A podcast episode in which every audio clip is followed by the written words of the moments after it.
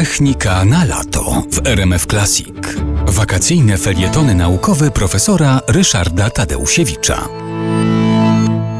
Mostem, którym chciałbym zakończyć y, ten cykl y, moich opowiadań o mostach krakowskich, których zwiedzanie y, Państwu bardzo rekomenduję, jest most grunwaldzki.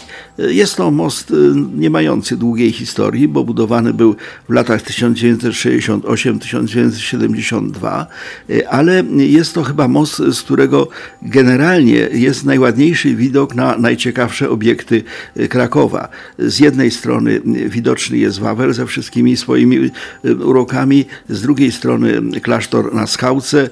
Y, no i co ciekawe, tu właśnie, gdzie jest przerzucony most grunwaldzki, zaczynają się planty Ditla, a jak wspominałem wcześniej, planty Ditla to jest dawne, dawne koryto Wisły. Więc jeśli chcemy spotkać się ze starą Wisłą, to właśnie przez most grunwaldzki możemy wejść w nurt dawnej Wisły, no tyle tylko, że obecnie zasypanej e, są tam planty Ditla. Natomiast e, pod most grunwaldzki dojeżdża, dopływa tramwaj wodny, więc w związku z tym można tam sobie zrobić bardzo ładną wycieczkę w najładniejszych okolicach Krakowa. I jeszcze jedna e, ciekawa informacja.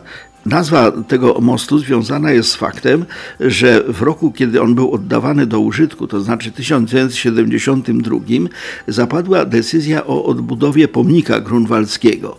Ten pomnik grunwaldzki został ulokowany ponownie w bezpośrednim pobliżu Barbakanu, Akademii Sztuk Pięknych, bardzo pięknego kościoła świętego Floriana. No i jest ten pomnik grunwaldzki, był o tyle ciekawy, że został e, przywieziony król na rumaku helikopterem i osadzony na tym miejscu. Promnik grunwaldzki był odsłonięty w 1976 roku. Most już istniał, no ale decyzja wiążąca ten most z tym pięknym pomnikiem też warta jest przypomnienia.